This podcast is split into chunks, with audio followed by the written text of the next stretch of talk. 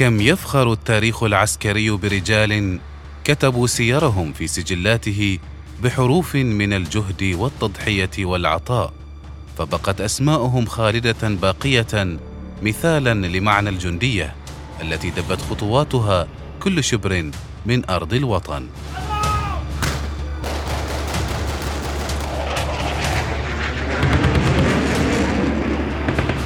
جنود برنامج أسبوعي نتعرف من خلاله على الجنود الذين ضحوا بحياتهم من أجل أوطانهم.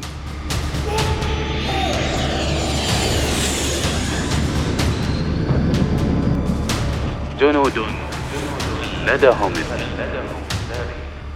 يعده الدكتور هلال بن سعيد الحجري ويقدمه المقدم الركن محمد بن سعيد المشيخي ومن إخراج الوكيل محمود بن خميس الجساسي.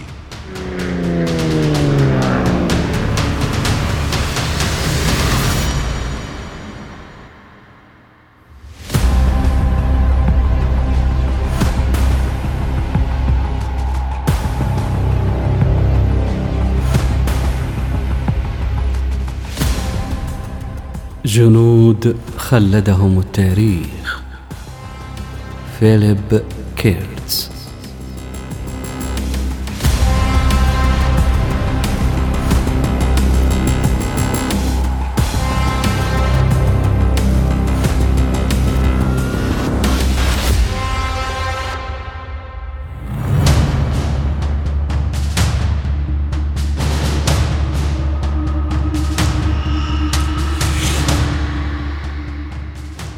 لقد قيل كثيرا عن الإيمان والحرب وأنه ما من أعظم من إنسان يبذل حياته من أجل أصدقائه. في عالم كان يتغلب ببطء على الدمار الذي خلفته الحرب العالمية. ذكرت الحرب الكورية الجميع بأن التضحيات يجب أن تقدمها جميع الأجيال. كان العديد من الشباب الذين جندوا للقتال في كوريا أصغر من أن يساهموا خلال الحرب العالمية الثانية. لكنهم لاحظوا بعناية المثال الذي وضع لهم خلال تلك الحرب الكبرى. والحاجة إلى الشجاعة الواضحة والقتال الفدائي. في عام 1951 اتخذ الملازم أول فيليب كيرتس مسؤولية رجل المهام الصعبة واستولى على ملجأ صيني محصن جيدا. كان يمطر نيران مدفع رشاش مدمر على رجاله. كمن يستجمع أنفاسه الأخيرة ونيران المدفع الرشاش مصوب نحوه أطلق القنبلة اليدوية من يده فسقطت تماما في المخبأ ودمرت موقع العدو. كان رجاله يقفون في رهبة مما شاهدوه. سيمنح فيليب كيرتس وسام صليب فيكتوريا على هذا العمل البطولي.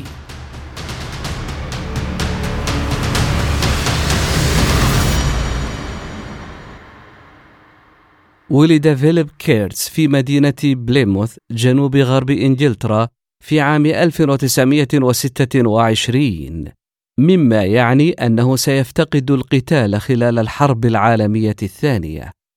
ولا شك أنه شاهد تضحية الرجال الذين ساروا إلى الحرب ولم يعودوا أبدا. وهو يعلم جيدا ما ينتظره عندما يحين دوره. في عام 1946 انضم كيرتس إلى مشاة دوق كورنويل الخفيفة حيث عين برتبة ملازم. وبينما كانت السنوات القليلة الأولى من خدمته العسكرية هادئة إلى حد ما فإن الغزو الكوري الشمالي لكوريا الجنوبية في يونيو من عام 1950 من شأنه أن يضع جيلا جديدا من المحاربين في طريق الخطر غير خائف من القتال. كان هذا الجيل من الجيش البريطاني يتطلع إلى إثبات قيمته. كانت الحرب الكورية معركة متأرجحة خلال السنوات الأولى من الحرب تماما كما بدأ أن الكوريين الشماليين سيدفعون الكوريين الجنوبيين بعيدا عن شبه الجزيرة. اندلع الحلفاء من محيط بوسان وأخذوا القتال على طول الطريق إلى نهر يان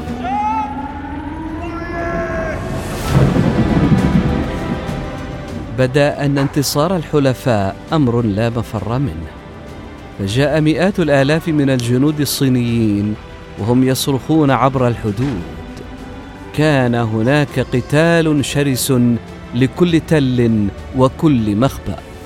وهناك في أبريل من عام 1951 بالقرب من نهر إمجن في كوريا سيضحي فيليب كيرتز بحياته.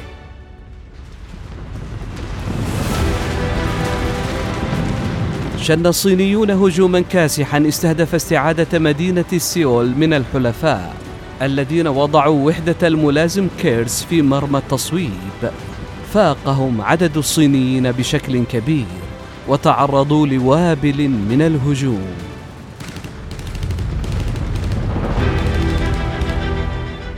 أثناء القتال استولى الصينيون على ملجأ بريطاني رئيسي ومنحهم موقع إطلاق نار قيادي على وحدة الملازم كيرتز أصبح من الواضح أنه ليس لديهم أمل في وقف الهجوم الصيني ما لم يتمكنوا من استعادة موقعهم. على الرغم من كونه على بعد 200 يارد تقريبا فوق أرض مفتوحة قام كيرتز بتشكيل فريق هجوم وبدأ في قيادة المهمة حيث قام رجاله بتوفير غطاء ناري له بينما يواصل هو الهجوم. ومع ذلك فإن موقع المدفع الرشاش القاتل لاحظ إطلاق الرصاص على الملازم كيرتز مما أدى إلى إصابته بجروح خطيرة.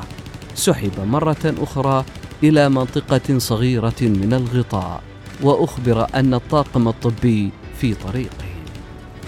رفض كيرتز الرعاية ونهض بشكل مؤلم على ركبة واحدة قائلا ببساطة إنه يجب أخذ المخبأ إذا كان هناك أي أمل في البقاء على قيد الحياة.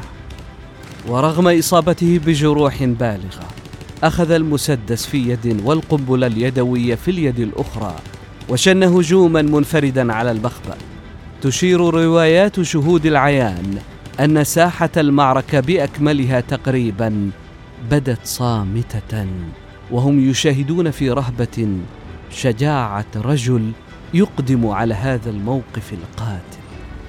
من اللافت للنظر أن كيرتز اقترب من المخبأ وأطلق قنبلة يدوية أخيرة من يده قبل أن يمزقه المدفع الرشاش الصيني ويقتله على الفور.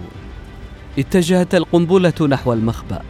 مات فريق المدافع الرشاشة الصيني وتم تحييد المخبأ. وحظي الرجال الذين شاهدوا كيرتز وهو يشن الهجوم بدرس مباشر في الشجاعة. تعين على البريطانيين وبقية الوحدات المتحالفة في النهاية العودة إلى مواقع دفاعية أكثر استعدادا بسبب العدد الهائل من القوات الصينية المهاجمة.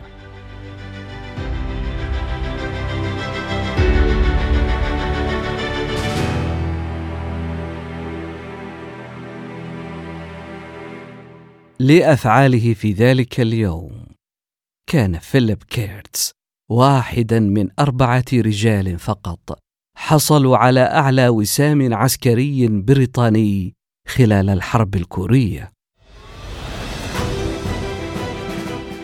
هناك أوقات في الحرب يجب فيها اتخاذ موقف للعدو ورجال مثل الملازم فيليب كيرتز هم الذين يعرفون كيفية تحقيق ذلك على الرغم من أن الاحتمالات تتراكم بشدة ضدهم.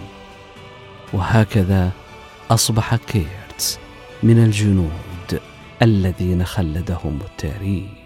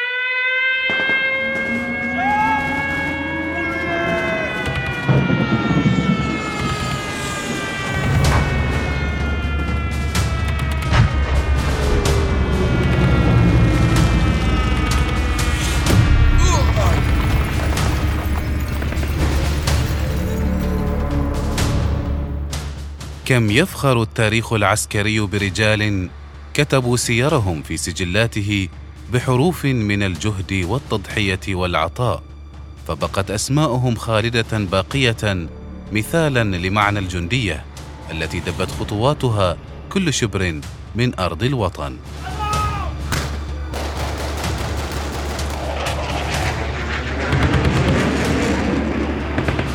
جنود برنامج أسبوعي نتعرف من خلاله على الجنود الذين ضحوا بحياتهم من أجل أوطانهم.